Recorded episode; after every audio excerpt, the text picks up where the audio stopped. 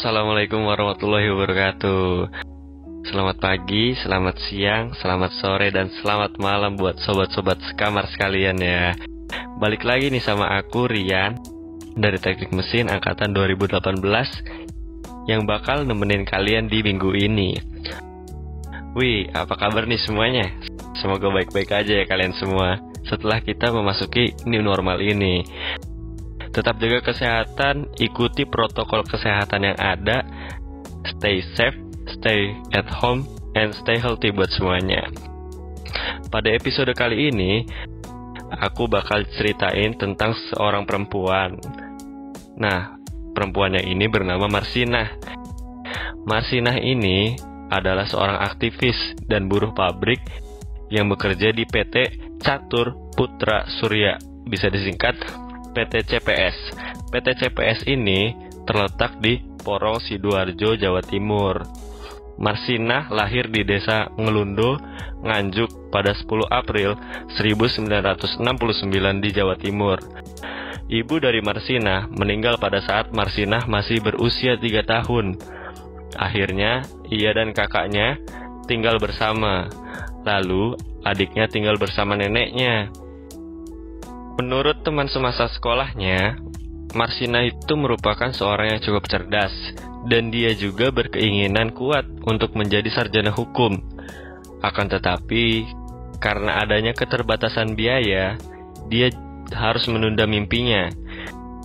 Maka dari itu, ia memutuskan untuk bekerja setelah lulus SMA, biar bisa mendapatkan biaya untuk kuliah nantinya. Marsinah ini pertama bekerja di salah satu pabrik sepatu di Jawa Timur. Lalu, ia pindah ke sebuah perusahaan arloji yaitu PT Catur Putra Surya atau bisa disingkat PT CPS yang berada di Rungkut, Surabaya. Marsina adalah seorang karyawati di PT CPS. Dia aktif dalam aksi unjuk rasa buruh. Keterlibatan Marsina dalam aksi unjuk rasa tersebut antara lain dalam rapat yang membahas rencana unjuk rasa pada tanggal 2 Mei 1993 di Tanggul Angin Sidoarjo. Keesokan harinya, pada tanggal 3 Mei 1993, banyak dari buruh yang tidak bekerja. Selanjutnya, Komando Rayon Militer atau Koramil setempat turun tangan mencegah aksi buruh. Keesokan harinya lagi, pada 4 Mei 1993, para buruh mogok total. Mereka mengajukan 12 tuntutan, termasuk perusahaan harus menaikkan upah pokok dari sebelumnya 1.700 per harinya menjadi Rp 2.250 per harinya. Yang kedua, pencairan tunjangan tetap sebesar Rp 550 per hari, termasuk buruh yang absen. Sampai dengan tanggal 5 Mei 1993, Marsinah masih aktif bersama rekan-rekannya dalam kegiatan unjuk rasa dan perundingan-perundingan. Marsinah menjadi salah seorang dari 15 orang perwakilan karyawan yang melakukan perundingan dengan pihak perusahaan pada tanggal 5 Mei 1993 juga, tepatnya di siang hari, tanpa Marsinah, 13 buruh yang dianggap menghasut unjuk rasa digiring ke Komando Distrik Militer atau Kodim Sidoarjo. Di tempat itu, mereka dipaksa mengundurkan diri dari PT CPS. Mereka dituduh telah melanggar dan menggelar rapat gelap dan mencegah karyawan masuk kerja. Marsinah bahkan sempat mendatangi Kodim Sidoarjo. Marsinah menanyakan keberadaan rekan-rekannya yang sebelumnya dipanggil pihak Kodim. Setelah itu, sekitar pukul 10 malam, tiba-tiba Marsinah hilang. Mulai tanggal 6 Mei 1993, keberadaan Marsinah tidak diketahui oleh rekan-rekannya. Sampai akhirnya, pada tanggal 8 Mei 1993, di sebuah gubuk dusun Jekong, Desa Wilangan, Nganjuk, Jawa Timur, ditemukan mayat perempuan yang diidentifikasi sebagai Marsina. Marsina meninggal di usia yang masih muda, yaitu 24 tahun. Kondisi mayat Marsina juga cukup mengerikan. Hasil visumnya menyatakan bahwa terdapat luka di lubang kemaluannya. Lalu, Di dalam badannya ada serpihan tulang yang pecah, selaput darahnya robek, usus bawahnya memar, dan rongga perutnya mengalami pendarahan kurang lebih 1 liter. Kemudian, pada tanggal 30 September 1993, telah dibentuk tim terpadu Bakor Tanasda Jawa Timur untuk melakukan penyelidikan dan penyidikan kasus pembunuhan Marsina.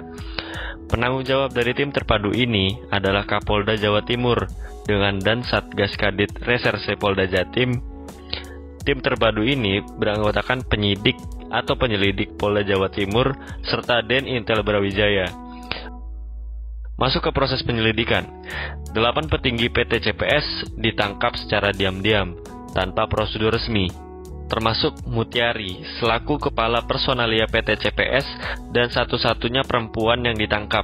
Mengalami siksaan fisik dan mental selama diinterogasi di sebuah tempat yang kemudian diketahui sebagai Kodam 5 Brawijaya, setiap orang yang diintegrasi dipaksa mengaku telah membuat skenario dan menggelar rapat untuk membunuh Marsina. Pemilik PT CPS, Yudi Susanto juga termasuk salah satu yang ditangkap. 18 hari kemudian, publik mendapat kabar bahwa mereka sudah mendekam di penjara dengan tuduhan terlibat pembunuh Marsina. Pengacara Yudi Susanto, Tri Muljade Suraji, mengungkap adanya rekayasa oknum aparat Kodim untuk mencari kambing hitam pembunuh Marsina. Tim terpadu telah menangkap dan memeriksa 10 orang. Secara resmi, yang diduga terlibat pembunuhan terhadap Marsina. Salah seorang dari 10 orang yang diduga terlibat pembunuhan tersebut adalah seorang anggota TNI. Hasil penyidikan polisi menyebutkan Suprapto yang bekerja sebagai bagian kontrol di PT CPS menjemput Marsina dengan motornya di dekat kos Marsina. Marsina dibawa ke pabrik lalu dibawa lagi dengan Suzuki Carry putih ke rumah Yudi Susanto di Jalan Puspita, Surabaya. Setelah tiga hari Marsina disekap, Suwono yang bekerja sebagai satpam PT CPS membunuhnya. Di pengadilan, Yudi Susanto difonis 17 tahun penjara. Sedangkan sejumlah stafnya yang lain itu dihukum berkisar 4 hingga 12 tahun penjara. Namun, mereka naik banding ke pengadilan tinggi dan Yudi Susanto dinyatakan bebas. Dalam proses selanjutnya, pada tingkat kasasi, Mahkamah Agung Republik Indonesia membebaskan para terdakwa dari segala dakwaan, atau bisa disebut juga dengan bebas murni. Putusan Mahkamah Agung RI tersebut setidaknya telah menimbulkan ketidakpuasan sejumlah pihak, sehingga muncul tuduhan bahwa penyelidikan kasus ini telah direkayasa. Pada saat persidangan, Dr. Munim Idris menjadi saksi ahli. Beliau adalah seorang dokter forensik yang terkenal telah mengupas banyak kasus di Indonesia dan juga penulis buku Indonesia X-Files. Beliau mengatakan bahwa adanya bukti yang janggal berdasarkan hasil penyidikan. Terdapat barang bukti balok kayu yang diklaim sebagai benda yang dimasukkan ke dalam kelamin dari Marsina. Sedangkan pada tubuh korban, terdapat luka pada bagian kelamin korban yang berukuran lebih kecil dari balok tersebut. Selain itu, beliau menduga bahwa terdapat ada lebih dari tiga orang pelaku berdasarkan luka-luka yang terdapat pada tubuh korban.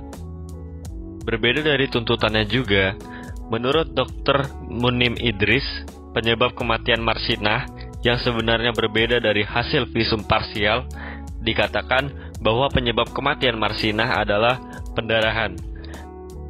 Akan tetapi, menurut Dr. Munim Idris, penyebabnya karena senjata api yang katanya dimasukkan ke kelamin lalu ditembakkan ke dalam. Di akhir persidangan, beliau juga mengatakan, siapa yang punya akses senjata? Kita warga sipil, tidak boleh memiliki senjata. Hingga saat ini, kasus Marsina masih belum terpecahkan. Jadi, kira-kira begitu sebuah cerita tentang seorang perempuan yang bernama Marsina. Terima kasih nih buat semua sobat-sobat sekamar yang udah setia dengerin podcast-podcast dari kita.